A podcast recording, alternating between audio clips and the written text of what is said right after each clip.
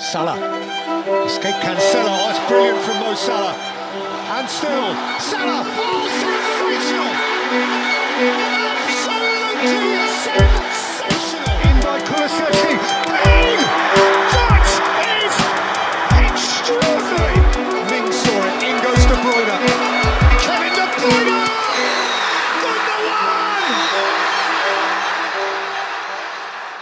Hej allihopa och välkommen tillbaka till FBL ikväll. Det är alldeles strax dags för Game Week 1.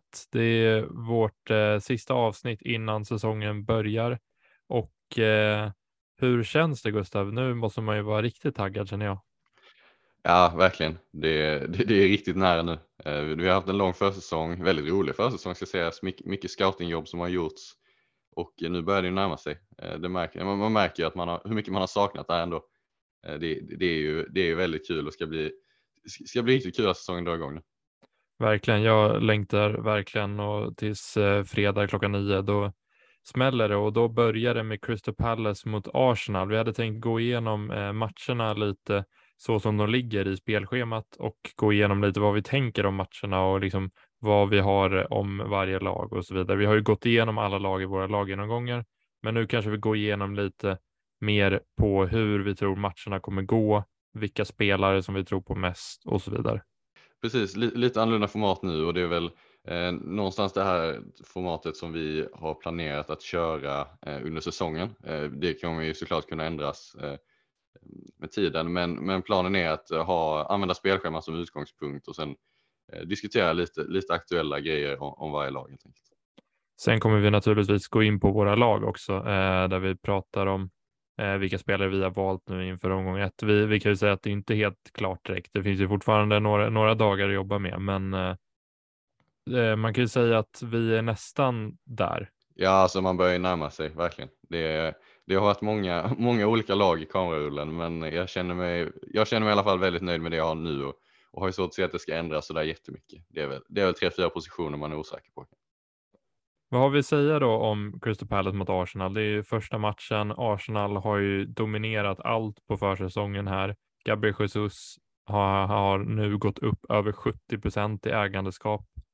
Det är helt sjuka siffror. Jag har nästan aldrig sett det innan. Salah kanske har varit uppe på över 70 procent någon gång, men eh, för en spelare som inte heter Salah så är de här ägandeskapssiffrorna helt otroliga. Ja, de är, de är verkligen otroliga och här, det, är ju, det är ju berättigat på ett sätt. Alltså, han är ett fantastiskt val och för, för billig helt enkelt. Det, det märker man ju när, när det är så många som sitter på honom att, att FPL har, har prisat honom lite för lågt. Eh, och 70 procent känns ju verkligen i överkant, men samtidigt kan jag inte klandra någon som väljer honom. Ja, han är ju helt given i mitt eget lag och, och eh, då är det liksom inte konstigt att ägandeskapet blir så högt. Man är inte ensam om att tänka så. Direkt. Nej, hattricket senast eh, gjorde ju inte så att folk hoppade av direkt, utan eh, snarare tvärtom. Det är, det är ändå en ganska tuff match tycker jag från ett offensivt perspektiv från Arsenal. Jag tycker Crystal Palace var bra defensiva förra året, eh, förmodligen bättre än vad de flesta eh, tyckte. Eh, de, deras expected goals eh, conceded siffror var väldigt, väldigt bra. Problemet de hade var ju framförallt på defensiva fasta och det gör ju så att en spelare som Gabriel till exempel kan vara ett väldigt bra alternativ till just den här matchen. De, man ska verkligen inte underskatta den här uppgiften för att, att Crystal Palace borta premiär på Sellers Park kan bli, kan bli tufft och jag, jag kan se att Arsenal eh, får det kämpigt här, bara gör ett mål kanske. Eh, men samtidigt så, så får man inte bli avskräckt av det utan schemat eh, för Arsenal om man kollar på lite längre sikt, om man kollar första fyra, fem omgångarna eh, eller hela första åtta om man så vill, eh, är väldigt bra och de två första matcherna, Crystal Palace borta, Leicester hemma, är, är ju tuffare än det som kommer sen. Så att, eh, att Palace eh, kan bli, liksom, bjuda upp till motstånd här gör ju inte att man ska avskräckas från att sitta på tre Arsenal, tycker jag. Eh, För, för även om den här matchen kanske, det finns inga garantier i den här matchen, så, så är de så bra val eh, att, att man kan sitta där ändå. Ja, och sen Crystal Palace borta är ju inte, det är ju inte Manchester City borta eller, eller Liverpool borta, utan det finns ju möjlighet till två, tre mål. Liksom. Verkligen, verkligen. Eh, men eh, med det sagt så är det ändå liksom, eh, den är inte, den är inte grön om man säger så. Det är ingen, inte en av de enkla matcherna på säsongen utan, utan det kommer bli en, kommer bli en tuff uppgift. Men Arsenal har imponerat så mycket för säsongen. Att man slår Sevilla med 6-0 säger en del och de har den här kvaliteten som gör att de en bra dag så kan de absolut vinna med 2-3-0 mot Crystal Palace. Men det är just det att det, det finns inga garantier riktigt. Just nu sitter jag antar att du också sitter på både Martinelli och Jesus i ditt lag. Eh, så vi, vi går ju hårt på Arsenal offensiv och det är ju mycket för deras spelschema utöver den här matchen. Eh, framförallt, och att båda är så otroligt billigt prissatta för den kvaliteten de eh, producerar. Jag har svårt att se förbi Martinelli och Jesus personligen. Eh, ska ju sägas också att, att Saka är ett väldigt bra alternativ för 8 miljoner på mittfältet. Eh, tar kanske straffarna, lite oklart. Eh, men slog väldigt senast oklart. i alla fall. Väldigt oklart faktiskt. Eh, för de som inte vet så är alltså de fyra senaste straffarna för, Arsenal så har Saka slagit tre, Martinelli slagit en. Men gemensamt för alla straffar är att den som har vunnit straffen, alltså blivit fälld eller fixat fram straffen, har också slagit den. Vilket ju gör att det är lite svårt att veta om det, är, om det finns en straffskytt eller om det bara är så att den som fixar straffen får ta det. Vad händer om Saliba eller Ben White fälls i straffområdet? Vad, vad gör vi då? Det vill man ju se. Det vill man ju se. Vill ju se Ben White som väl knappt har gjort ett mål i sin karriär gå fram och slå en straff. Men, ja, men, men det känns ju inte som det kommer hända. Nej, det är det, det, det vi vill se så att vi får en lite tydligare bild känner jag. Ja, nej, men jag skulle, jag skulle gissa att det är mellan, eh, mellan de offensiva, eh, offensiva fronttrion eller, eller Ödegård också kanske så, som, som är alternativ. Eh, men som sagt, det, det återstår att se eh, vad som händer där. Vi kan inte räkna med att Saka är på straffarna, men, men skulle jag vara tvungen att gissa så tror jag att om det finns en första straffskytt så, så är det han. Och alla som säger och hoppas att Gabriel Jesus ska ta straffar gör inte det för att han bränner mer än vad han sätter. Så att, eh, det är bara minuspoäng in på kontot egentligen. Ja, nej, där, där kan man klara sig med, med, med chanserna från öppet spel faktiskt. Men eh, det, man har ju sett en del som funderar på att trippla upp på Arsenal-anfallet. Går på Martinelli, Jesus och Saka. Och jag, jag tycker inte det är helt fel, men samtidigt så då hade jag nog hellre väntat till omgång tre innan schemat blir, för då blir schemat väldigt bra. Bournemouth och Fulham i, i omgång tre och fyra och sen fortsätter det bra. Eh, de första två matcherna här är lite för snåriga för att man ska vilja sitta med, eh, med tre offensiva tycker jag. Ja, alltså jag håller med. Alltså isolerat tycker jag att liksom Saka kan anses som den bästa 8 miljoner mittfältaren. Martinelli kan sägas som den bästa, bästa 6 miljoner mittfältaren och Jesus kan sägas som den bästa 8 miljoner forwarden. Men om du sätter ihop alla de tre och sen så har du ingen möjlighet att gå på någon Arsenal-back eller Sinchenko eller Ramsdale eller någon sån här. Eh, som ändå tycker, jag tycker ändå det finns värde i en spelare som Ramsdale nu. Eh, jag har han inte själv i laget, men jag är väldigt nära på att ta in honom. Jag tycker han är, kan vara det bästa målvaktsvalet nästan i spelet. Jag har ju Ramsdale i laget nu och tycker ju därmed att han är det bästa valet. Arsenal har sett bra ut eh, defensivt för de är ganska stabila, schemat är bra och jag avskräcks inte av de två första matcherna så mycket heller utan för det är en sån här matcher, det är inte orimligt att Arsenal håller nollan i någon av dem. Och om de skulle hålla nollan mot Palace eller Leicester så är det sådana matcher där Ramsdale har potential att gå upp på 8, 9, 10 poäng. Eh, för båda de här lagen gillar, eh, tar, tar relativt mycket skott som är låg, eh, av låg kvalitet, låg XG, där man kan förvänta sig att Ramsdale ska, ska plocka räddningar. Och gör han en del räddningar, tar några räddningspoäng så är han högt upp i bonus också. Och det gör att han har den här höjden som de flesta andra målvakter inte har. Om du kollar på Mendy i Chelsea till exempel så, så ser vi ju i princip aldrig att han tar, att han tar 10 poäng i en match utan Chelsea eh, förra säsongen i alla fall släppte inte till den typen av chanser att, att Mendy fick, eh, hade särskilt mycket att göra och det blev inte så många räddningar och, och inte så mycket bonus heller. Eh, så det är just Eh, när du kombinerar schemat med den här höjden som Ramsdale har så, så gör det att han är mitt första val just nu. Ja, alltså jag tycker att Ramsdale är ett väldigt, väldigt bra val. Jag tycker inte han var särskilt bra.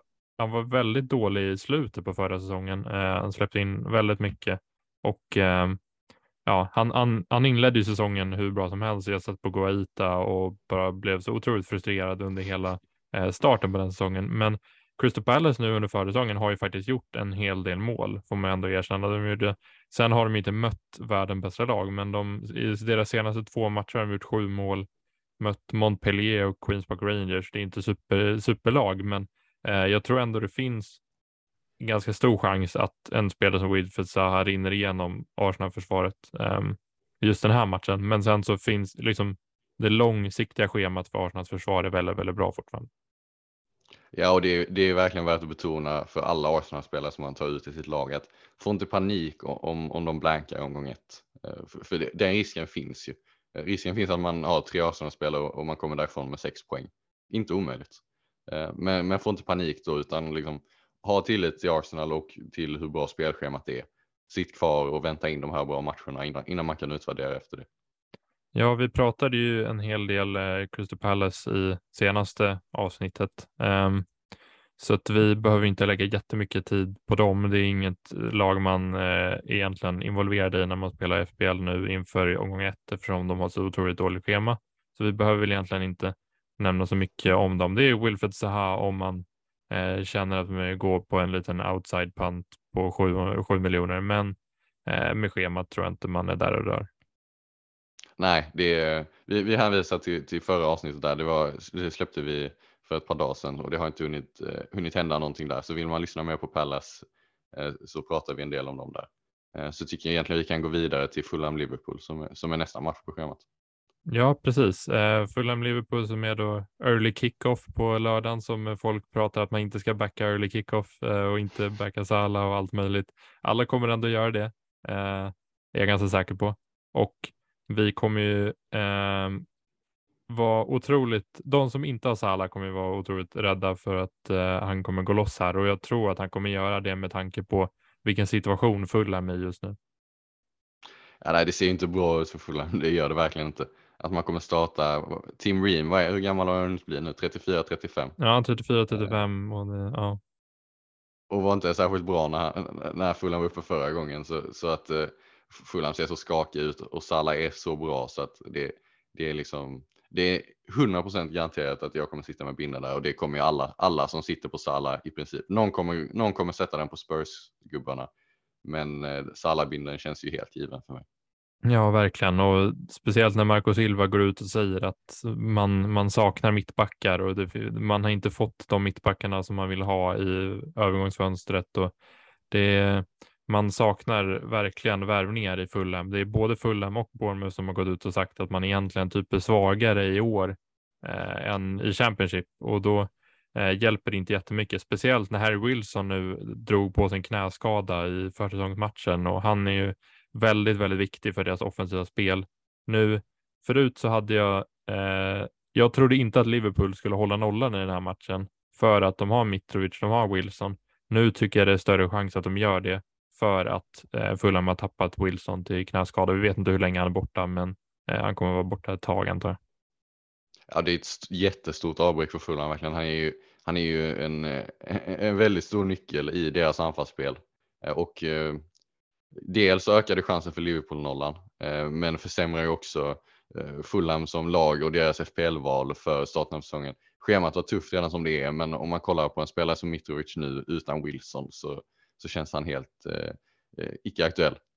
Um, ehm, Liverpool fick vi ju faktiskt se spela en eh, i princip riktig match får man ändå säga eh, i helgen. De mötte Manchester City i Community Shield och, och känslan var inte att den matchen spelades som en träningsmatch egentligen utan det, de, de körde båda lagen eh, i princip så som de hade gjort om de var ligamatch. Det var, det var liksom fullt fokus där och full energi eh, och eh, tyckte att Liverpool imponerade. De såg, de såg bra ut. Salah såg, eh, såg ut som han gjorde förra hösten egentligen. Eh, mer ut som, mer, som, mer ut som man gjorde innan Afrikanska mästerskapen än efteråt.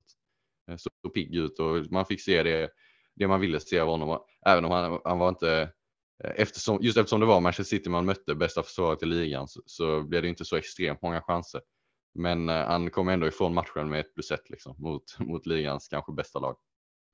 Ja, jag la ju ut en tweet där om att jag tyckte att han var lite för mycket på kanten eh, från vad jag gillade. Det var ju naturligtvis bara liksom en grej som jag vill säga och två minuter senare får han straff och gör mål och det är inte jättebra timing i den tweeten. Men eh, jag tycker att han var li lite för långt ut på sidan, men alltså mot ett lag som Fulham kommer inte det spela någon roll. Jag, kommer, jag tror han kommer vara eh, riktigt bra. Jag vill se lite hur Liverpools, hur eh, Liverpools anfallsspel påverkas av att Nunez kommer spela där, för det är ju en annan spelartyp än Firmino. Jag vet inte hur det kommer påverka Salah. Eh, vad tror du? Alltså, vi kan ju dra inte jättemånga slutsatser från den, den matchen som var, men vi kan ändå dra några slutsatser. Och man såg ju ändå hur tydlig skillnaden var i spelat, eh, spelstil mellan Firmino och Nunez. Eh, för att när Firmino spelar så gillar han ju att eh, droppa djupare, spela i den här falska nia-rollen egentligen och skapa därmed yta för dels Salah men, men kanske framförallt Diaz tyckte jag påverkades av det här. För man såg att när Firmino droppade så var helt plötsligt den lediga ytan för Diaz närmre mål och han var, fick ta löpningarna närmare närmre mål, in i straffområdet och det var där ytan fanns. Eh, när Firmino sen blir utbytt in med Nunez så vill ju Nunez själv vara i den ytan. Han vill ju vara den som är närmst mål eh, eftersom han är mer av den här eh, mer av den här klassiska anfallaren än vad Firmino är. Och då såg man istället att Diaz, Diaz fick droppa och tillbringade mer tid strax utanför straffområdet. Och Robertson sen kom på överlappen så Robertson var ju i princip mer offensiv än vad Diaz var i perioder.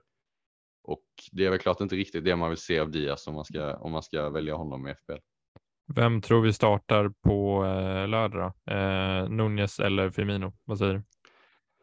Alltså, vi måste nästan höra Klopps presskonferens innan man kan ge ett bra svar på det där. Det kommer, man måste höra vad han säger, säger om, eh, om de två för att det, det känns väldigt hugget som stucket där. Eh, det, det, Nunez såg bra ut, så han, båda är ju liksom väldigt bra alternativ. Det vet han ju Klopp. Han kan spela vem som, eh, vem, vem som av dem eh, och det kommer gå bra mot Fulham. Liksom. Eh, och det är det som gör det svårt också, att han har två så bra alternativ. Um, så, så, det är faktiskt omöjligt att svara på nu. Det känns som, verkligen som en 50-50. Och, uh, men det är mycket möjligt att vi kan liksom få en klarare bild av det efter att Klopp har pratat. Ja, precis. Eh, och sen från ett försvarsmässigt perspektiv då, Liverpool. Jag tycker Robertson såg otroligt bra ut i Community Shield. Eh, följde med otroligt mycket mer än vad jag sett han göra tidigare. Jag tycker inte han har följt in i boxen på samma sätt som han gjorde nu den här matchen.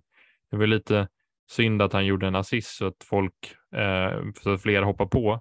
Men eh, jag var ju lite anti Robertson när vi gick igenom Liverpool avsnittet för att jag tänkte att Dia skulle växla ut och bli den här ytten som Sadio Mané var. Men det, och så kan fortfarande bli fallet. Men jag tycker att jag, eh, Robertson var otroligt bra i Community Shield och eh, jag gillade verkligen vad jag såg.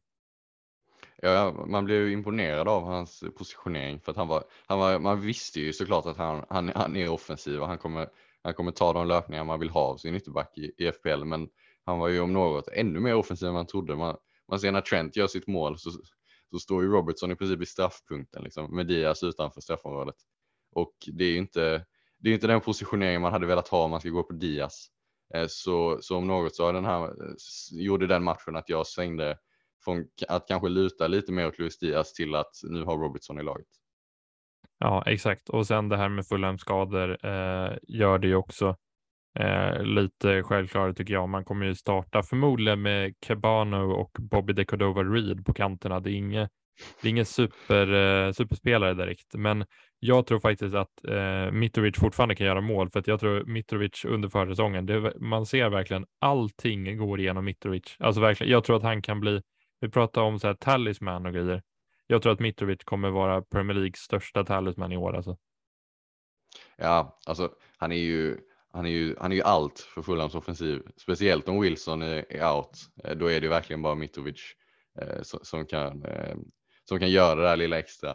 Med det sagt så, så tror jag att Liverpool eh, kommer kunna stänga ner honom.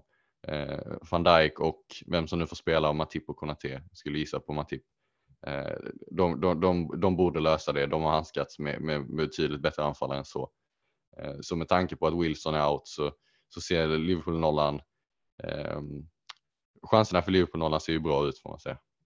Vi går vidare till Aston Villa Bournemouth och eh, där är det ju en spelare framförallt som sticker ut. Han är i mitt lag just nu och heter Leon Bailey och för 5,0 eh, Villa-fansen hypar ju upp Bailey som jag vet inte vad. Det är en otrolig eh, hype som har skapats kring honom och mycket är ju för att han spelar möter Bournemouth i första matchen och Bournemouth just nu Ja, vad var det Scott Parker sa? Att de var betydligt sämre än i fjol. De spelar just nu har de Lloyd Kelly och Chris Meffem som mittbackar. Lloyd Kelly startade ju Championship. Meffem var inte en start mittback för Bournemouth för Championship. Han var reserv. Så att, eh, vi, eh, jag, jag, tror att Villa kan köra över det här 3-4-0 och det är de dessutom eh, därför jag tänker att Manchester City omgång två och Håland mot det här Bournemouth-laget på Etihad, det kan bli läskigt. Alltså Parker sa ju, sa ju rakt ut att vi har knappt några försvarare. Så, så illa är det liksom. Och eh, det är klart att Bournemouth, ska de ha någon som helst chans så behöver de ju ha ett mittlås så, som man kan lita på. Har man inte det utan att det är sämre än det man hade när man gick upp, då, då kan det ju rinna iväg rejält. Eh, både mot Villa men, men framför allt City i omgång två. Den matchen kan ju sluta 5-6-0 utan några som helst problem. Och om vi, om vi pratar Bailey som väl är den mest intressanta spelaren i den här matchen så eh, tycker jag att han är, han, är, han är väldigt bra för 5 miljoner. Man vet att man, eh, alltså det är en väldigt rimlig differential att gå på. Inte jättehögt ägandeskap, eh, men risken är inte, risken finns där men den är inte så stor för att eh, du gör ju det för, du plockar in honom för de första eh, fyra matcherna, framförallt de första två. Och vi vet ju att i princip vet vi att så bra som han har spelat på försäsongen så har han fått förtroendet för att göra ett par svajiga insatser innan han eh, förpassas till bänken igen. Så jag, jag, kan inte se att han inte ska starta de första två matcherna. Och skulle det sen inte, liksom, skulle det inte funka, du, han gör inga poäng, eh, ja, men då kommer han hamna på bänken. Men det är ändå samtidigt som schemat vänder så att du hade nog velat byta ut honom ändå. Sen gillar jag ju den här matchen även för Aston Villas defensiv. Jag eh de har ju bytt lagkapten nu, eh, Aston Villa till John McGinn, så att eh, vi lär nog inte se Tyron Mings starta eh, mot Bournemouth skulle jag gissa. Jag tror att Esri Konsa kommer spela bredvid eh, Diego Carlos. Så det är ju en bra grej om eh, folk hade hoppat på Mings, för vi rekommenderar ju Mings lite senaste avsnittet. Och även eh, Jacob Ramsey som eh, jag bland annat eh, Dobb rekommenderade så här till Aston Villas fynd i år.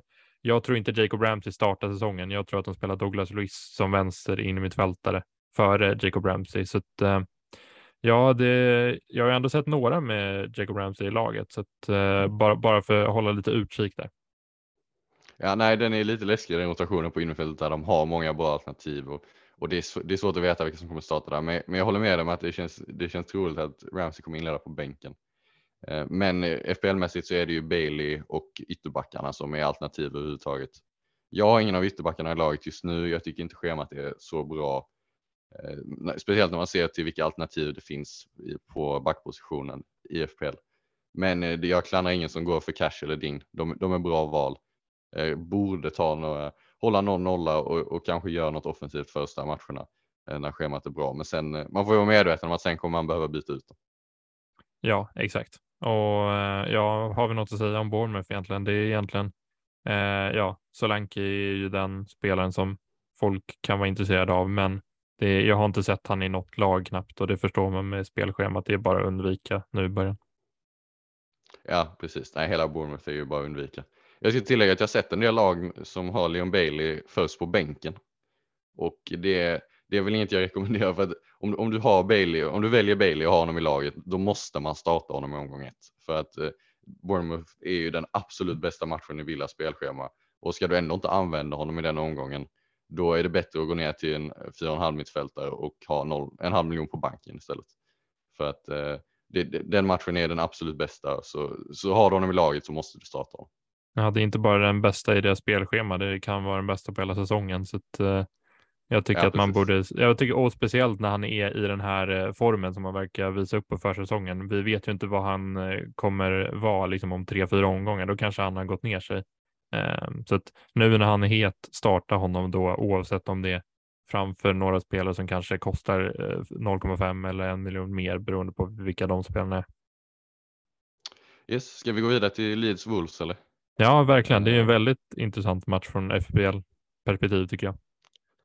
Alltså vi såg ju, om vi börjar med Leeds så fick de ju eh, faktiskt ett ganska bra genrep inför säsongen. De vann med 6-2 mot Cagliari. Bamford gjorde två mål, Rodrigo gjorde hattrick och eh, Aronson, nya mittfältaren, gjorde tre assist. Och eh, schemat är väldigt bra för Leeds. Eh, matchen i omgång ett är väl okej, okay, Wolves hemma och eh, sen fortsätter schemat eh, ganska bra även, även 5, 6, 7 omgångar framåt. Eh, så jag tycker att alla de tre, Bamford, Rodrigo och Aronson är är lite halvspännande differentials. Ingen av dem finns i mitt lag just nu, men, men eh, lockar ändå lite. Mm. Eh, jag är lite osäker på Rodrigos minuter framöver om Sinisterra kommer tillbaka. Då tror jag att Sinisterra kommer att spela istället för Rodrigo. Men eh, som liksom ett kort val nu, vi vet ju att Rodrigo är väldigt upp och ner. Han kan ha eh, matcher där han är otroligt bra och ser riktigt fin ut och så kan han ha matcher där han är helt osynlig. Så eh, just nu föredrar jag nog Aronson, även fast han spelade på en kant nu senast, men jag tror han kommer spela i mitten när Sinisterra är tillbaka. Jag vet inte exakt när Sinisterra är tillbaka, men han kommer ju starta för det är ju verkligen en prestigevärvning för dem. Ja, så är det ju och det ska, det ska sägas med hela Leeds att schemat är bra så det är inte helt dumt att chansa där, men, men det, det är väldigt riskabelt och det finns absolut inga garantier på hur, hur bra de kommer leverera den här, i början av den här säsongen. Eh, och det är egentligen ett lag där man vill vänta och se. Men, men med tanke på att schemat är så bra så, så finns det möjlighet att sticka ut lite där.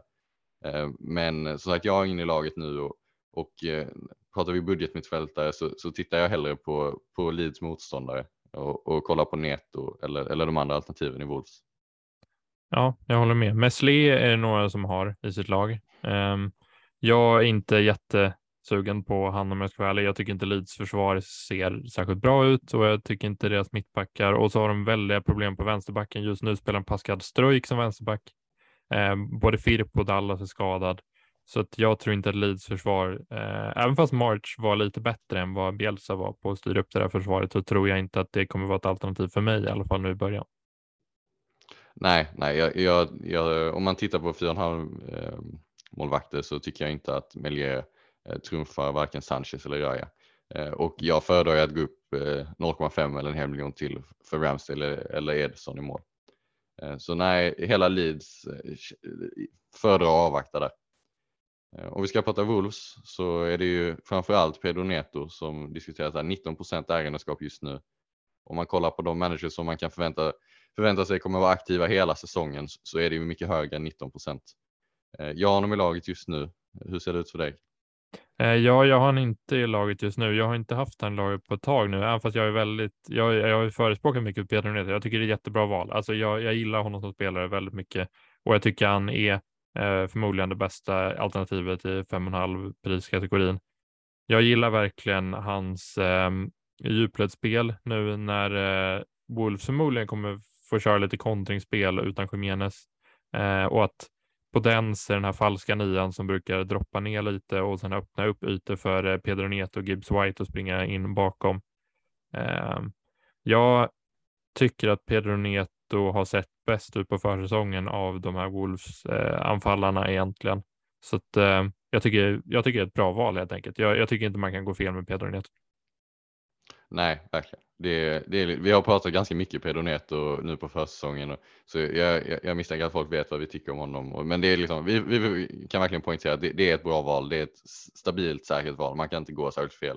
Och även om han blankar, han kostar 5,5 miljoner. Man kan inte förvänta sig sådär jättemycket från honom ändå. Um, vill, man gå, vill man verkligen sticka ut så finns ju både Podens och Gibbs White där eh, som inte ens har, har en procent ägandeskap. Och eh, jag, jag håller Neto högre, men det är, inte, det är inte helt dumt att sticka ut med någon av dem. Nej, jag gillar ju Gibbs White. Jag har ju haft han i en draft ganska länge över Pedro Neto, men det är mest för att eh, sticka ut lite. Jag tycker att de har ungefär samma position. Jag tycker på den som falls nia som sagt droppar ner lite och att Gibbs White och Pedro Neto då eh, kommer in som yttrar och går liksom mer centralt än vad de gör, än vad de står. De står ju som yttrar, men de kommer in ganska centralt båda två och de roterar ju mycket där framme eh, i att de roterar platser under matchen och så där.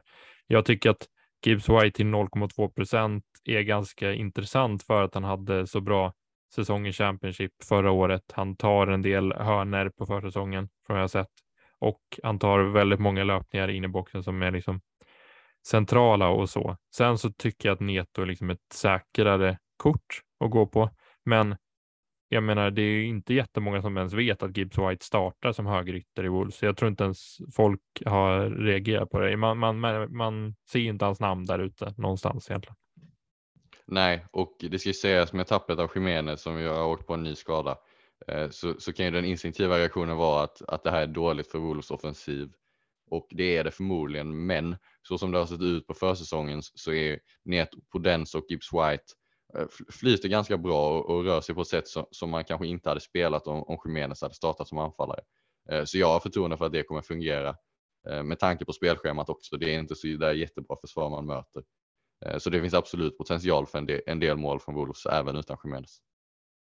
Precis. Eh, har vi något om försvarare? För där, eh, några har ju José Sa i mål. Jag vet inte hur bra han kommer vara den här säsongen när de kör fyrback. Eh, jag tror inte de kommer. Eh, jag tror de kommer släppa in mer mål den här säsongen än vad de gjorde förra året. Eh, en grej som jag tycker är lite bra att hålla koll på. Vissa skriver att Johnny är ett bra alternativ och jag pratade om han lite innan. Jag var lite osäker på vem som är bäst mellan Johnny och Ait Nouri. Semedo kommer ju starta när han är tillbaka på den här högerbacksplatsen och det lämnar en plats åt Johnny och Ait Nouri. Just nu tror jag att Ait Nouri går före från vad jag sett på försäsongen. Han visar otroligt mycket kvalitet och otroligt mycket teknik när det gäller eh, ja, dribblingar och offensivt spel överlag. Eh, vad säger du om de två? Det jag egentligen tycker är att man ska undvika båda två. Eh, dels eftersom det är lite, li, lite svårt med rotationer men framförallt att det finns så, finns så många andra eh, alternativ och man har bara fem platser att lägga på backar. Så jag tycker att det är lite av ett slöseri att lägga en av dem på en Wolfsback om jag, om jag ska vara ärlig.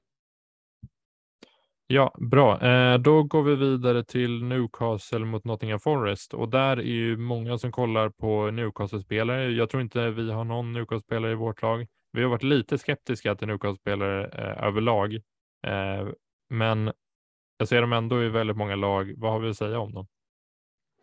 Alltså, vi har ju pratat om det här i laggenomgången så schemat. Det är lite klurigt.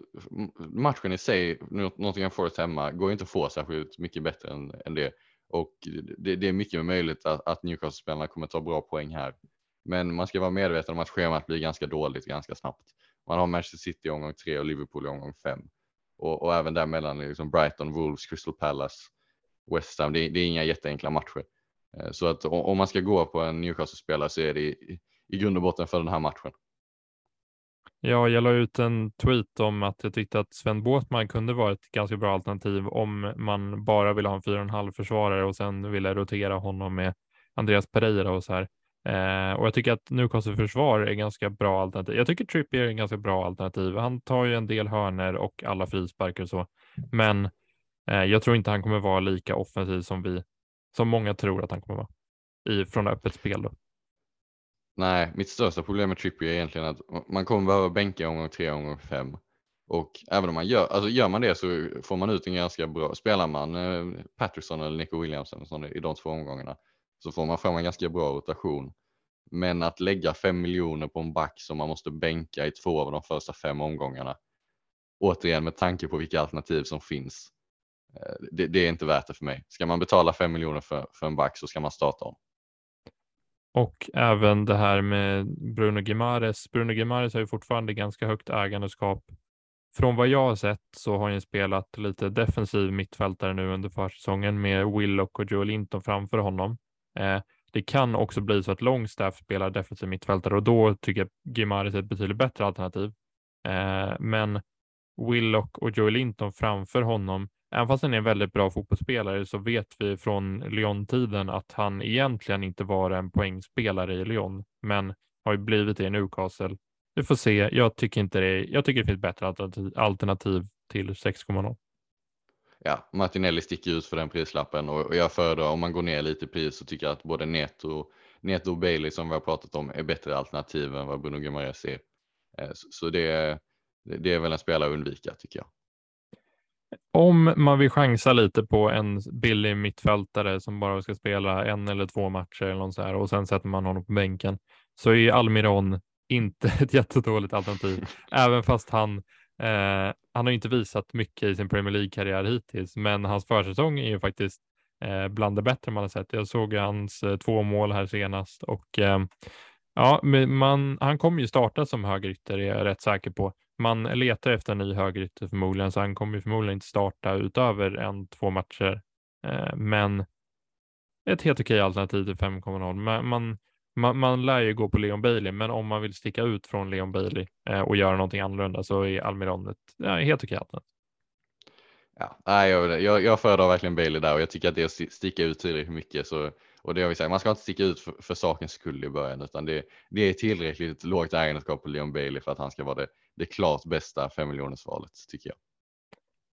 Ja, vi kan ju prata lite Nottingham Forest också. Eh, de har ju värvat otroligt många spelare. Det kan ju vara lite svårt att sätta ihop alla de här eh, nya spelarna till ett och samma lag nu i början. Det lär kanske ta ett tag för dem att eh, börja bli samspelta. Jag tror att man bland annat kommer starta Cook som mittback istället för eh, Niakate. Eh, jag tror att man kommer kanske jag vet inte om man kommer spela eh, Lingard och alla de här storstjärnorna nu i början. Jag, jag antar det, men eh, jag tycker det är lite svårt att se vart, nu, vart Nottingham Forest står just nu. Precis, vi pratade ganska, eh, ganska mycket Nottingham Forest i förra avsnittet när vi gick igenom dem. Eh, så vi får hänvisa, hänvisa dit. Men, men, generellt kan man säga om man ska sammanfatta det, att det, det är många värvningar, lite rörigt, svårt att veta hur det kommer se ut. Undvik. Mm. Precis. Då går vi över till Tottenham mot Southampton. Eh, Tottenham, här kanske vi ser, eh, förutom då Sala, så kanske vi ser flest kaptensbindlar i just den här matchen. Vad känner du kring Tottenhams chanser mot Southampton? Jag känner väl som alla andra att det här är en match som kommer sluta i, i en enkel vinst för Tottenham och ska man av någon anledning kolla bort från Salah för binden så är det för att sätta den på Harry Kane eller, eller John Winson För att det kan smälla rejält i den här matchen. Jag kan se 3-4-0 utan problem. Och då vet vi att det är Kane och Son som med störst sannolikhet kommer vara inblandade i de målen. Ja, jag är ju sugen på Kulusevski. Jag har han i mitt lag för just den här eh, omgången. Jag tror inte jag kommer hålla han eh, liksom långsiktigt, men alla Spurs-anfallare och där kan man ju räkna in Perisic och Doherty egentligen. Eh, jag tror de kommer ha en riktigt bra match eh, den här eh, den här eh, tiden då, 16.00 på lördag. Jag är lite kluven på vad jag tror om Southampton i år. Jag, Southampton har ju gått ner till en fembacklinje, vilket som jag la ut något tweet tidigare, det är, det är den tystaste övergången till, från en fyrback till en femback. Som, jag tror inte ens någon har märkt att de Southampton spelar femback nu. Um, men eh, de lär göra det mot Tottenham. Det kanske hjälper dem att vara lite lite starkare försvarsmässigt. De får i alla fall en till försvarare. Eh, det kan ju bli så att Southampton faller väldigt, väldigt lågt och Tottenham har ju haft lite problem tidigare med låga försvar. Ja, men samtidigt med fembackslinjen så betyder det att de kommer, de kommer matcha Tottenhams eh, egentligen fem anfallare blir det ju med Perisic och Doherty om man räknar in dem, eh, vilket ju kommer skapa en mot en situationer eh, egentligen över hela anfallet där. Och där är ju Tottenham-spelarna så, så, väldigt mycket bättre än, än allt Southampton har sett emot. Eh, så jag misstänker att Perisic och Doherty kommer kunna eh, liksom, göra sin gubbe på kanten och sen så kommer de hitta in därifrån. Eller helt enkelt att, att Son och Kane och Kulusevski, alltså kvalitetsskillnaden är så stor så att de ska kunna hitta ett par mål även om Southampton står lågt. Jag gillar verkligen den här matchen för Perisic för att Southampton under försäsongen har sett väldigt tama ut framåt. De eh, Southampton-fansen är väldigt oroliga för hur dåligt det ser ut framåt. Man har ju Joe Rebo, eh, Stuart Armstrong och så här, men just nu verkar det stora problemet vara för Southampton att göra mål. Det är en, eh, en av de bättre matcherna i början på säsongen här om man ska kolla till chanser att hålla, hålla nollan. Och det gör ju att om Perisic startar vilket vi tror att han kommer göra och förhoppningsvis spela mer än 60 minuter, då är han ju ett, ett väldigt, väldigt bra val. Dels för, för den chansen på att hålla nollan, men, men framför allt det offensiva hotet.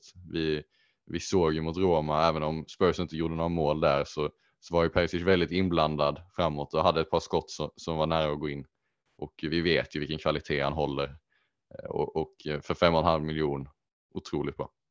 Ja, vi pratade mycket Spurs senast och eh, Southampton finns ju inte jättemycket att prata om heller egentligen, så jag tycker vi kan nästan gå vidare. Eh, vad känner du? Ja, men det, det, gör vi. Det gör vi.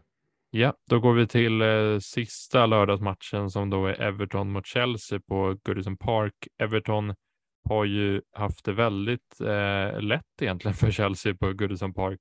Eh, jag tror Chelsea bara en vinst senaste, vad kan det vara, åtta, nio matcherna eller något sånt där? Alltså man har ju historiskt sett haft väldigt tufft på Goodison eh, och det är mycket möjligt att det kommer vara, vara fallet i år också för att det har sett skakigt ut på försäsongen. Och eh, e-, Everton liksom, i en hemmapremiär, de, de, de, kan skapa det här trycket och ändå spela med en intensitet som, som jag kan se att Chelsea får lite problem att hantera. Sen tycker jag inte att det i sig ska avskräcka folk från, från Chelsea-spelare i FPL egentligen för att det är, även om, även om nollan kanske inte känns så trolig här så, så borde man kunna göra ett par mål framåt. Eh, och då är ju både Reece James som förmodligen kommer spela wingback, lite oklart, risken finns att han startar som, som eh, mittback, även fast jag skulle säga att den risken är större mot Tottenham i omgång två.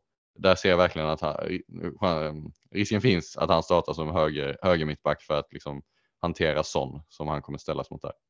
Men oavsett i omgång ett så tycker jag James är ett jättebra val eh, och eh, jag, Mount och Sterling framåt eh, också bra val. Och just nu när vi släpper det här, vi, vi spelar in det här på tisdag, vi kommer släppa det på onsdag. Just nu vet vi inte eh, jättemycket mer än att Kukureya verkar ändå vara på väg till Chelsea eh, från vad vi kan läsa från Fabrizio Romano och det hade ju varit en väldig förstärkning. Jag tror han kommer spela vänster mittback egentligen hela säsongen med att han kommer liksom eh, vikariera som vänster wingback några matcher. Vad känner du?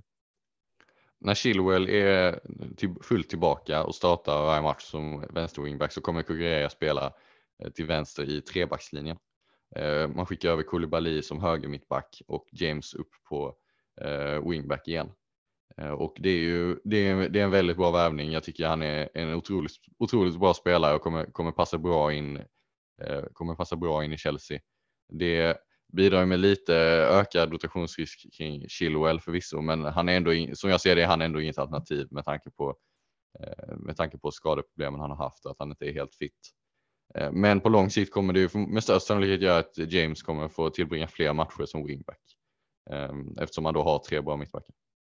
Jag får otroliga Aspilicueta-vibbar över Kukureya som eh, 5,0 mittback. Jag tror att Aspilicueta var det när Conte Eh, ja, han var i alla fall någonstans där eh, när Conte var tränare för Chelsea eh, och att han eh, fyller på eh, mycket som mittback och kommer med de här tidiga inläggen. Kukureya känns som en sån typisk spelare som är en väldigt, vad ska man säga, en offensiv mittback får vi ändå säga och en vänster mittback som förmodligen lär fylla på i anfallet 5,0 om han kommer in i Chelsea. Jag tycker att det är ett ganska bra alternativ. Det, det håller jag med om. Han, han är ju bra. Problemet är ju att eh, när alla är friska så är wingbacksen så extremt offensiva. Så att eh, jag, jag hade velat betala den extra miljonen för James eller Chilwell. Just på grund av, även om Kukurea kommer vara, förmodligen vara offensiv för att vara mittback så är han ändå mittback. Och det är så en enorm skillnad mellan det offensiva hotet och det offensiva hot som James och Chilwell har. Ja, jag, jag är lite mer kluven. Jag, jag tror att jag kan, eh, om jag får ut en miljon och eh, kan äga deras Chilwell till Kukureya så tror jag inte det är något stort problem för att just av den anledningen att Kukureya är så otrolig bonusspelare. I Brighton tog han ju så otroligt många bonuspoäng eh, och jag tror att han kan bli en ganska bra bonusspelare även i Chelsea i den positionen. Eh, mycket för att han hade otroligt många bolltouch i Brighton och otroligt många tacklingar och så vidare som hjälpte han i BPS-systemet. Ja, vi, alltså, med, med får vi helt enkelt vänta och se. Del, dels om affären blir, blir, blir av, men oavsett kommer han inte vara något alternativ för omgång ett. Eh, så vi får helt enkelt vänta och se hur, hur han kommer användas och, och, hur Chelsea kommer se ut in, innan man eventuellt hoppar på honom i framtiden.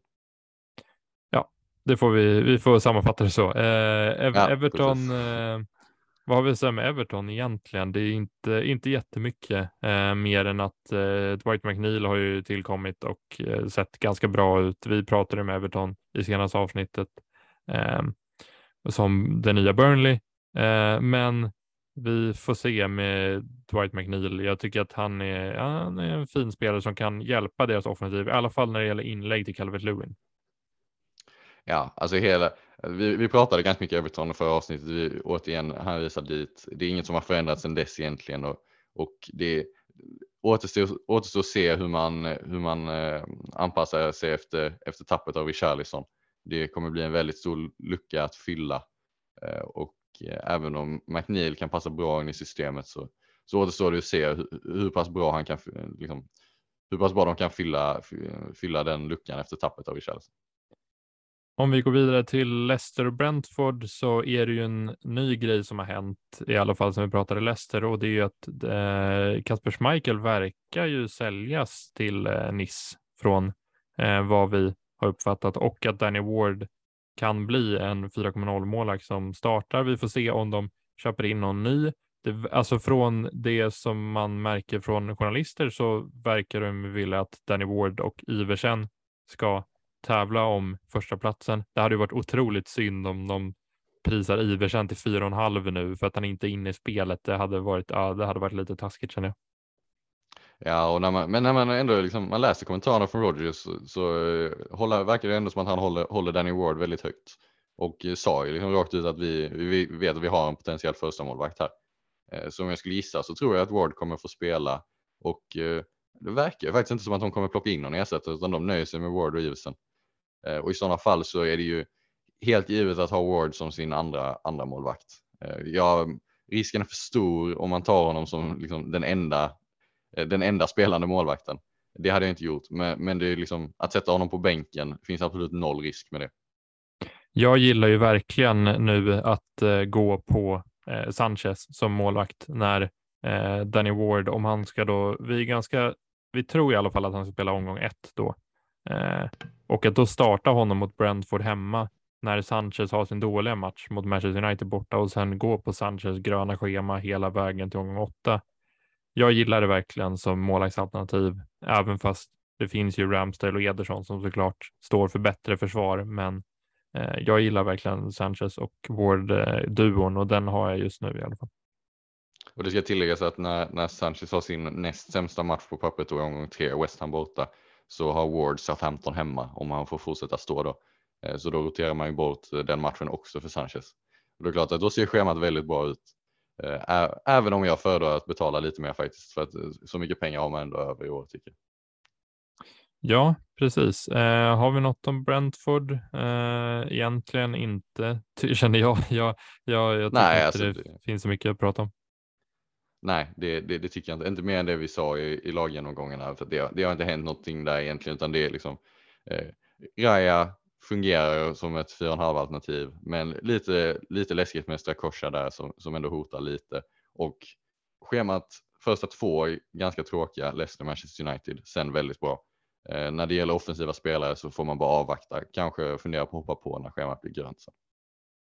Vad tror vi att den här matchen kan sluta då? Jag tror väl kanske att Leicester kan vinna en sån här match med, säg 2-0 eller något sånt där. Det känns som Leicester brukar vara bra i början av säsongen. Eh, jag vet inte om de här James Madison-ryktena till Newcastle kommer påverka någonting. Eh, det kanske inte hjälper stämningen i gruppen så jättemycket, men eh, vi får se. Nej, det känns ju, det är svårt att veta hur mycket vikt man ska lägga vid de ryktena. Det känns ju mycket möjligt att han bara använder det för att få ett nytt kontrakt eller något sånt. Men det är klart, om det, om det liksom ligger någon sanning i dem så, så är det väl inte perfekt för Leicester. Men, men han borde starta omgång ett och, och känns som det ska bli en ganska, borde bli en ganska komfortabel vinst för Leicester. Det håller jag med om. Eh, tror vi att det kommer bli ganska komfortabel vinst för United mot Brighton? Jag är inte helt säker. Vad känner du? Jag känner att det hänger väldigt mycket om på om Jadon Sancho är tillbaka. Eh, han missade ju sista försäsongsmatch eh, Eh, på grund av sjukdom, eh, så som jag tolkar det. Och eh, verkar lite oklart om han är tillbaka till omgång ett. Är han det så tror jag nog att United kommer lösa tre poäng här. Men om man tvingas spela med Anthony Langa istället så tycker jag att det tappet i kvalitet är ganska stort och då, då känns det jämnare på förhand. Ja, jag tror att Brighton kan skrälla lite här. Ehm, jag tycker att Brighton, trots att de har tappat Bizuma, så har de sett bra ut på försäsongen. Eh, de slog Espanyol senast med 5-1, vilket var otroligt imponerande. Trossard gjorde hattrick som wingback. Eh, Trossard är ju ingen som eh, folk kommer gå på, men han gjorde som sagt hattrick och det är, de har ju ett ganska bra lag fortfarande och som du pratade om tidigare när vi pratade Potter, det spelar inte jättestor roll att det är vissa spelare som faller ut ur laget utan det är ju mer systemet som gör att Brighton fungerar så pass bra som de gör. Det är verkligen det. Systemet är så, eh, så extremt mycket viktigare än vad de individuella spelarna är. Även om spelare som Bissouma och, och Kukureya bidrar med kvalitet till det här systemet så är ändå systemet överordnat och det har vi sett när de har tappat spelare tidigare, när de har tappat Ben White, tappat Dan Burn, tappat andra, andra viktiga spelare. De, de har ersatts med, med antingen spelare som suttit bänk eller plockat in eh, några liksom, eh, okända, relativt okända spelare som nyförvärv och, och ersatt det utan några problem. Så jag har ganska stort förtroende för att Potter kommer lösa det här. Eh, men det är klart att i början så kanske vi, får, kanske vi kommer märka av de här tappen eh, med att eh, defensiven ser lite sämre ut. En hel del har ju gått på Louis Dunk som 4,5 försvarare och jag gillar verkligen det valet. Eh, speciellt nu när Pascal Gross har kommit tillbaka i laget och tar alla fasta för att han är en otrolig eh, bra spelare på fasta situationer. Det var inte lika bra när McAllister och Trossard tog hand om hörnorna tycker jag. Så att, att Pascal Gross har kommit in i startelvan nu under försäsongen hjälper verkligen Louis Dunk i eh, potentiella mål. Verkligen. Och eh, när det gäller Dunk så så kan man nästan konstatera att han är en halv miljon för billig för att med, med det offensiva hotet som han normalt har eh, från fasta situationer och att Brighton, vi kan förvänta oss att även om de, även om de skulle tappa lite defensivt så är de väldigt stabila. Eh, och eh, jag har absolut ingenting emot Dunk som val för 4,5 miljoner. Eh, jag tycker det är bra. Men det är klart hade det varit bra ändå om man, om man kunde bänka honom i omgång ett. För jag, jag har inte så stora förhoppningar på hans poäng nu, nu direkt första veckan. Tror vi att Lindelöf startar för United? Jag tror nästan det alltså. Den här omgången. Ja, det, det, det verkar ju så. så om man får gå efter försäsongen så känns det möjligt att han startar. Men när det gäller Uniteds backlinje så är det egentligen bara Diogo Dalot som, som är ett alternativ. Eh, har ju ändå sett offensiv ut på försäsongen. Ganska given som startar som högerback eh, och eh, kostar bara 4,5. Så inte, inte heller ett helt dumt val. Jag håller nästan honom högre än vad jag håller Lustank Dunk faktiskt i 4,5 kategori. Ehm, just eftersom han spelar ändå för ett bättre lag och tror att även om försvaret kanske ser lite skakigt ut i början att den, så kommer Ten Hag få ordning, få ordning på det här till slut och då är Dalot bra värde för bra värde när han bara kostar 4,5. Ja, jag, jag är mer åt Dunk-hållet i alla fall fortfarande. Jag, jag, jag gillar Dunk som spelare. Jag, jag, hade han, jag startade med han förra året som 5,0 mittback, så att, eh, jag, jag gillar verkligen han som val. Men eh, har vi något mer att säga mer än att eh, Ronaldo är tillbaka lite? Eh, det, det Fast kommer ändå inte starta. Nej, eh, exakt. Det... Men det hjälper Martial... inte. Nej, Martial finns ju där, 7 miljoner anfallare och är väl ett okej okay, kortsiktigt alternativ, men, om inte Sancho spelar då, då är jag verkligen inte övertygad om Uniteds offensiv. Samma gäller Rashford. Eh, spelar inte Sancho, då tycker jag man undviker dem. Eh, men spelar Sancho, då, då är de ju ändå intressanta differentials, även om, även om ingen av dem finns i mitt lag just nu. Nej, precis. Eh, vi går vidare till den sista matchen för omgången och det är West Ham mot Manchester City. Vad har vi att säga där? Lite likt Arsenal så är det ju, eh, har ju City ett väldigt bra schema men inleder ändå med en match som är, får beskrivas som en av de tuffare i det här spelschemat. Eh, West Ham borta hade man ju problem, eh, man hade lite problem med West Ham förra säsongen. Eh, det var väl i näst sista omgången som, som de tappade poäng där eh, när Bowen gjorde, gjorde två mål. Mm. Eh, och det är klart att det kan, det kan, bli, det kan bli tufft men jag, jag tyckte City såg ganska bra ut i Community Shield och de, de har sån sån extrem kvalitet både individuellt och eh, i systemet. Eh, så det är liksom inte alls omöjligt att det här slutar 2-0 till City, ganska kontrollerat. Ja, jag, jag, kan se något liknande framför mig. En grej som är väldigt eh, bra för Håland är ju att eh, Aguard, eller Aguerd, eh, deras nya mittback, kommer inte spela den här matchen för han skadade sig eh, senaste försäsongsmatchen. Så att, eh, just nu ser det ut som man spelar Zuma och Dawson, vilket är, det är helt okej mittbackar, men eh, jag tror att Aguerd är en nivå bättre.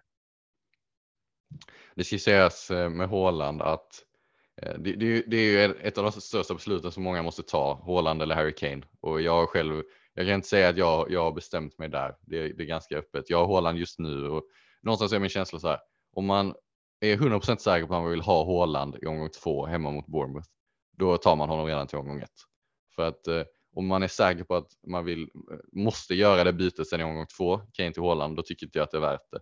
Men om man är lite så här tveksam på om man verkligen vill ha Håland, eh, egentligen föredrar Kane långsiktigt, då kan jag se att man startar med Kane i omgång ett och sen så utvärderar man efter första omgången. Är det verkligen värt att göra det här bytet? Eh, och då antingen gör byte till Haaland i två, gånger två eller behåller Kane. Eh, men vet man verkligen med sig att jag kommer vilja ha Haaland i omgång två, ta honom redan till omgång ett. Ja, exakt. Jag är ju just, jag har varit mycket på Harry Kane under försäsongen, men nu har jag valt Haaland och jag är eh, jag är betydligt säkrare än vad du är tror jag på att jag kommer ha Haaland i min sista draft. Jag, han är nästan given för mig nu med tanke på hur Bournemouth ser ut eh, och vad, de, vad, vad jag tror City kommer göra mot Bournemouth. Det är en av anledningarna varför jag har Kulusevski i mitt lag just nu, att kunna göra eh, bytet från Kulusevski till den City-mittfältaren som jag tror har störst chans att starta mot Bournemouth, bara för att jag tycker det är en så bra match att ha Bournemouth hemma. Alltså det är verkligen den matchen som avgör för mig. Jag, jag skulle säga att det är 75-25 fördel Håland för mig kanske just nu. Man har ändå, Bournemouth-matchen är så viktig. Hade man, hade man bara räknat bort omgång två så hade jag gått på Kane. För jag tycker att schemat eh, ser bättre ut för Spurs i övrigt och jag gillar verkligen Harry Kane. Men Haaland, han, han visade att eh, liksom, han ska, skapade en XG på 1,6 mot Liverpool. Eh, ligan, liksom, det är svåraste försvaret City kan möta. Eh, och då att bara tänka tanken på vilka chanser han kan få mot Bournemouth i omgång två där. Eh, och även resten av spelschemat är väldigt bra. Så, så jag lutar ju åt Haaland ska sägas. Ehm, men eh, inte, inte 100% procent men ändå, Kane finns där. Ja, precis. Och vi, eh, vi har ju pratat lite om vårt lag medan vi har gått igenom de här eh, spelarna. Vi, har du något att tillägga om ditt lag just nu? Hur du tänker inför omgången? Är det några spelare som du är osäker på, några spelare som är givna? Jag kan ju läsa upp mitt lag faktiskt. Mm. Jag har i mål just nu Aaron Ramsdale och sen eh, mönstrar jag en fembackslinje med Trent, Robertson, James, Cancelo, Perisic. Eh, spelar 5-3-2 så jag har Salah, Martinelli, Neto på mittfältet och Haaland och Jesus på topp. Eh, en bänk med, med Ward, Andreas Pereira, da Silva och Archer just nu och en halv miljon på banken eh, som, som kan vara ganska bra att ha. Eh, med den halva miljonen så funderar jag på att uppgradera Ramsdale till Ederson eller att uppgradera da Silva till Leon Bailey och i sådana fall bänka Neto i omgång ett. Men just nu ligger den halva miljonen på banken. Och känner mig ganska säker på de flesta av de här valen. Eh, stora frågan är egentligen om jag vill gå för en fembackslinje. Eh, för att man skulle kunna hävda att 4-4-2 är mer flexibelt och, och att det erbjuder, om man går på Diaz istället för Robertson till exempel, så erbjuder det fler vägar att hoppa på andra spelare som man tycker ser heta ut. Men samtidigt känner jag lite så här att om jag liksom, de Liverpool-spelarna jag tar ut i laget, de vill jag ha fram till det är dags för wildcard. Jag, jag, vill inte byta ut dem. Så bra är schemat liksom, och så bra är Liverpool. Så om jag liksom, om jag går för Diaz och mot förmodan skulle känna att jag vill sälja honom, då vill jag ju gå ner till en billigare mittfältare så att jag kan plocka in en annan Liverpool-spelare, om det är Robertson eller Darwin eh, Nunez. Och, och då, så, så, jag köper inte riktigt det argumentet eh, och därför är jag på en fembackslinje just nu. Det jag gillar med ditt lag är att du har valt Ramsdale före Ederson och att det gör ju möjligt att gå in på en tredje City-spelare om det behövs. Eh, så att du inte låser fast dig där med tre, eh, tre City-spelare direkt. Ja, alltså det, eh, det, det, är klart att det är bra och så här, ja, så som priserna ligger så jag kommer behöva två byten för att få in en, en offensiv City-spelare i alla fall. Eh, för mittfältarna är lite för billiga för att jag ska ha råd med det raka bytet till, till Foden eller sånt. Um, men jag kan, har ju möjlighet att hoppa på en eh, annan cityback om jag vill det från, från James eller Perisic framförallt kanske om man märker att, att, de, eh, att James spelar mittback kanske eller att Perisic inte får de minuterna eh, man vill att han ska få så finns det möjlighet att gå till Walker eller gå till, gå till Ruben Diaz. Um, ehm, och då är det ju skönt att ha dem och det är därför också jag lämnar en cityplats öppen. Jag har en halv miljon på banken. Jag tycker att det kompenserar lite för tappet av flexibilitet som det betyder att spela femback. Jag kan läsa upp mitt lag då också. Just nu så har jag eh, Ward i mål. Eh, han kommer inte, eh, han kommer kanske inte starta mer än just matchen hemma mot Brentford, men eh, Ward i mål och Sanchez på bänken då. Eh, Alexander Arnold, Cancelo, Robertson och Perisic i en backlinje och eh, Sala, Bailey, Martinelli och Kulusevski och i anfallet Haaland och Jesus och på bänken då Andreas Pereira, Nico Williams och Archer. Eh, det, vi hade väldigt lika lag innan Eh, jag gjorde det här bytet, eh, för jag tog bort Reece James, lite som du sa där med att Everton brukar vara väldigt bra mot Chelsea och att han, det finns ändå en risk att han spelar höger mittback mot Tottenham just nu när, vi, när de inte, just nu har inte Chelsea värvat en mittback. Så att jag går lite på just det. Och jag vet inte hur bra schemat är för en Chelsea-försvarare just. Eh, jag tycker att det finns kanske lite, jag, jag, vill, jag vill sticka ut lite med eh, någon spelare och då är Kulusevski just nu mitt sticka ut-val mot Southampton hemma som jag förmodligen kommer byta mot en City-mittfältare eh, som jag tror kommer starta hemma mot Bournemouth. Om det är Mares, Foden eller Grealish, det vet jag inte. Men jag tror att det kommer vara Foden faktiskt om jag ska vara ärlig. Nej, jag, jag gillar det laget. Det sticker ändå ut lite från de flesta lag man ser på Twitter och framför allt då tack vare Kulusevski. Och det erbjuder ju som du säger, det erbjuder möjligheten att gå till en City-spelare omgång två och sen om, om du inte vill sitta kvar på dem länge så kan du alltid flytta till en Mason Mount till exempel eh, när Chelsea går in i ännu bättre schema omgång 3-4 där. Eh, så jag gillar det, det, det, det sticker ut lite. Ja, Trots precis. att det ändå är ganska, det, det är ganska templigt och du tar inte alldeles för stora risker heller. Nej, precis. Och anledningen, ja men den här 8,0 mittfältrollen, jag tror ändå att eh, just nu ser jag inte vart man kommer byta så många spelare eh, och göra transfers. Det, det, det kommer säkert hända grejer med skador och så vidare. Eh, men just nu så gillar jag ändå att ha en roll i 8,0 mittfältare där jag kan liksom hoppa på och hoppa av spelare med väldigt bra matcher. Eh, för det finns ju väldigt många alternativ där. Ja, det är ju egentligen som jag ser det den enda svagheten med mitt lag just nu att jag inte har någon 8 miljoners mittfältare. Men samtidigt, jag känner så här, hade jag haft någon så hade jag haft Diaz och då, då bidrar inte det med särskilt mycket flexibilitet ändå, för jag hade inte velat byta ut honom i sådana fall. Um, och då, då går jag hellre på femback när jag vet ändå att om, om jag verkligen skulle vilja ha in någon så, så är det bara två byten. Alltså det är ett extra byte som krävs i sådana fall för att nedgradera någon av backarna eh, och upp till en dyrare mittfältare. Och, och då får jag liksom acceptera det i sådana fall. Precis. Eh, ska vi gå vidare till några frågor eh, som vi har fått in här då? Eh, vi, eh, vi har ju nämnt några grejer märker jag här under avsnittet, men vi kan ju ta upp några, eh, bland annat Niklas Sjöström som frågar, ja, är Reece James verkligen rätt beroende att sikta på tills vi får klart med Chelsea försvar? Vågar man tro på Mount de första 68 matcherna? Vi har inte nämnt Mount jättemycket. Vad tänker du om honom? Jag tycker att han är ett väldigt bra val i 8 miljoners kategorin. Um, ehm, men första två matcherna så, så, finns det bättre val. Du, jag gillar, gillar nästan, om man är beredd att liksom göra de bitarna som krävs så gillar jag nästan ditt upplägg mer att, att starta med Kulusevski eller att starta med city mittfältare kanske första två och sen byta till Mount. Eh, för jag tycker det, det, är absolut inget fel med att börja med Mason Mount. Eh, han, det finns stor chans till att han, han gör någon assist eller mål de första två matcherna. Men jag ser ändå att Chelsea kan få det lite tufft första två veckorna. Eh, däremot jag ser att från omgång tre och framåt tills man drar wildcard egentligen så, så är det schemat jättebra och då är han verkligen ett bra val. Och sen om vi går in på det här med Reece James så tycker jag att jag tycker det är ett, ett väldigt bra val med Reece James. Eh, jag, jag, kan inte säga emot det alls, men eh, från vad jag känner så vill jag försöka sticka ut på något sätt och eh, Reece James är väl kanske den templatebacken just nu som man eh, kan kanske undvika för att han kan spela hög mittback helt enkelt. Även fast han, är ju, han kan ju vara bra som hög mittback också. Men om han spelar hög mittback mot Spurs eller spelar hög mittback eh, första matchen mot Everton, då är han ju inte jätteattraktiv och då kanske det finns eh, möjlighet att hoppa på en mittfältare i samma prisklass som kanske har bättre match. Alltså jag tycker inte det är helt fel att uh, gå ner från Reece James till, till en 4,5 eller 5 miljoners back för att, för att ha råd med ett bättre mittfält. Den är inte helt dum, men jag, för mig personligen så är Reece James lite av en favoritspelare, eh, både, både liksom som Chelsea-supporter men kanske framförallt i FBL. Jag hade honom för alla, eh, liksom, alla de eh, matcherna när han gjorde, gjorde mål, assist och höll nollan, liksom, tog 10 plus poäng.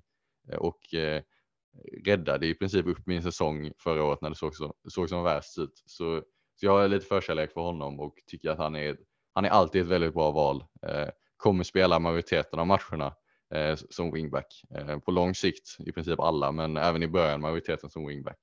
Och då är han så extremt offensiv, så, så jag tycker att, att han trumfar eh, mittfältarna som finns för liknande pris. Hampus Lundskog frågar om eh, bästa, bästa alternativet på mittfältet i 5,5 till 7,0 klassen. Vad tror vi där? Jag känner ju att Neto, Martinelli, Rashford är de som sticker ut för mig. men jag tycker Neto Martinelli håller eh, högst nivå. Jag, jag vill slänga in Gibbs White också, för, bara för att jag gillar honom. Men eh, ja, vi, vi, får se. Ja, jag, jag, kan bara instämma. Jag tycker verkligen att Martinelli Eh, toppa toppar den kategorin. Det är, även om Saka är ett väldigt bra val för lite mer pengar så, så tycker jag knappt att man kan gå utan Martinelli för det är så extremt eh, bra värde till bara 6 miljoner. Ta fasta situationer, för, eller ta hörnor från vänster, gjorde, har han gjort för säsongen och har i princip lite av en fri roll i frontrean där han, han rör sig lite, lite vad han vill och dyker upp i straffområdet och är väldigt involverad eh, och spelar för ett bra lag.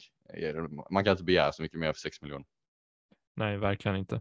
Eh, Robert Jonsson frågar bästa 5,0 backen. Ehm, det är lite, jag tycker det är en lite svår fråga. Jag hade nog ändå sagt Sinchenko faktiskt. Vad hade du sagt? Det finns ju en del alternativ. Sinchenko, Gabriel, Trippier, Um, även Kyle Walker och Nathan Ake till 5 miljoner i City. Eh, ska dock sägas äh, eh, om Citys situation där, det, det, är lite läskigt för att de, äh, Cancelo och Diaz kommer starta varje match, men sen har de tre spelare, eh, Ake, Walker och Stones, eh, som ska in på de två andra positionerna. Och det kan bli så som det var i Community Shield att Cancelo spelar vänsterback och Walker högerback och att eh, det blir en av Ake och Stones som tar mittbacksplatserna. Men har ändå sett en del folk som är liksom Eh, väldigt bra på att förutse Manchester City startelvor att säga att det är liksom, speciellt mot West Ham i premiären så, så finns eh, chansen att de flyttar över Cancelo på högerbacken, bänka Walker, spelar Ake vänsterback, Stones mittback eh, för att få in lite mer, eh, lite mer tyngd på fasta situationer och annat för att kompensera för, West Hams spel. Och eh, jag vet inte exakt hur sannolikt det är, men, men det, det är ändå en liten risk som finns där, vilket gör att jag, jag liksom ser förbi Walker personligen. Så om jag var tvungen att svara så, så hade jag nog svarat också Sinchenko eller Trippier om man, om man är liksom okej okay med att bänka i omgång 3 och 5. Ja, och så har vi, vi kan ju ta en sista fråga känner jag innan vi börjar runda av nu. Eh, THFC Oskar undrar, vad tycker ni om Aronson? Och vi har ju pratat lite om Aronson, inte jättemycket, jag tycker att han är ett helt okej alternativ till 5,5. Jag tycker inte han är lika bra som Neto, men jag tycker att om man vill sticka ut så tycker jag att Aronson till 5,5 är ett bra alternativ. Jag vet inte hur mycket av en poängspelare han kommer bli. Om han spelar centralt så gillar jag honom väldigt mycket. Nu kommer han spela till höger förmodligen eh, i premiären. Lite tveksam till det, men eh, de har ett bra schema. Eh, Leeds offensivt kan vara riktigt bra. Vad känner du? Alltså, det är väl lite som när vi pratar om Leeds, att det är, man vill egentligen avvakta, men, men schemat är så bra så att man blir samtidigt lite sugen på att hoppa på redan från omgång ett. Med Aronson känner jag väl lite att man börjar säsongen med Pedro Neto, ser hur han ser ut. Om man inte är imponerad så kan man fundera på att, att byta honom och till exempel Aronsson efter, efter tre, fyra omgångar. Eh, om man, om man verkligen inte är nöjd med, med hur Neto och Wolf spelar.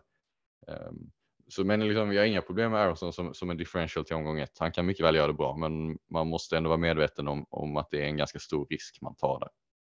Exakt. Vi eh, tänker att vi rundar av där och vi ska ju prata om vår liga, för där har, verkar vi som att vi kommer att ha ett pris i alla fall till den som vinner vår FPL ikväll-liga. Vi kommer ge ut ett eh, Fantasy Football Scout medlemskap för ett år, va? Yes, precis. Den som vinner kommer få ett eh, premiummedlemskap i Fantasy Football Scout till, eh, inte då eh, den här säsongen såklart, utan säsongen som kommer efter det. Eh, och det, kan jag, eh, det är något som jag verkligen rekommenderar. Det finns extremt mycket eh, bra, både statistik och andra funktioner där inne. Så att det är vi tacksamma för att de har ställt upp med och är glada att kunna erbjuda det till vinnare. Ja, verkligen. Jag kan ju rekommendera det med all expected goals och expected assist som vissa förmodligen är trötta på att vi pratar om så mycket, men andra, gillar det och det är ett väldigt bra framgångskoncept för att bli bättre på FBL helt enkelt, att lära sig om expected goals och eh, ha koll på det helt enkelt. Precis, och vi kan säga att de flesta av de siffrorna vi använder och diskuterar i podden kommer, kommer från Fantasy Football Scouts eh, premiumområde där. Eh, om någon undrar var vi får siffrorna ifrån. Eh, så eh, återigen kan starkt rekommendera det. Och vi kommer skicka ut mer om ligan på Twitter. Rekommenderar att ni följer oss där på FBL ikväll. Ni antingen sök, söka upp det eller, eller ta dit genom våra, genom våra konton. Eh, Jag kommer väl förhoppningsvis lägga ut lite mer där under säsongen, inte, bara avsnitten utan lite annat också. Ja, exakt. Och eh, nu är det bara två dagar kvar. Eh, vi är otroligt spända eh, inför premiären och eh, hoppas ni har det bra. Eh, en lite eh, lycka till får vi ändå säga inför premiären till alla som eh, lyssnar på oss och eh, vi tackar så otroligt mycket att eh, för intresset som har varit nu under försäsongen och vi kommer ju köra på under säsongen en gång per vecka. Precis, det har varit jättekul att se hur många som har, hur många som har lyssnat nu under försäsongen och all den positiva feedbacken som vi har fått. Och det är klart att det motiverar oss att, att bli ännu bättre på det här. Vi kommer sagt köra ett avsnitt i veckan den här säsongen. Eh, lite med liknande format som vi har gjort idag, men vi får se, det, det kan ju utvecklas. Precis, då säger vi tack och hej och eh, ha en bra eh, Game Week One-premiär allihopa.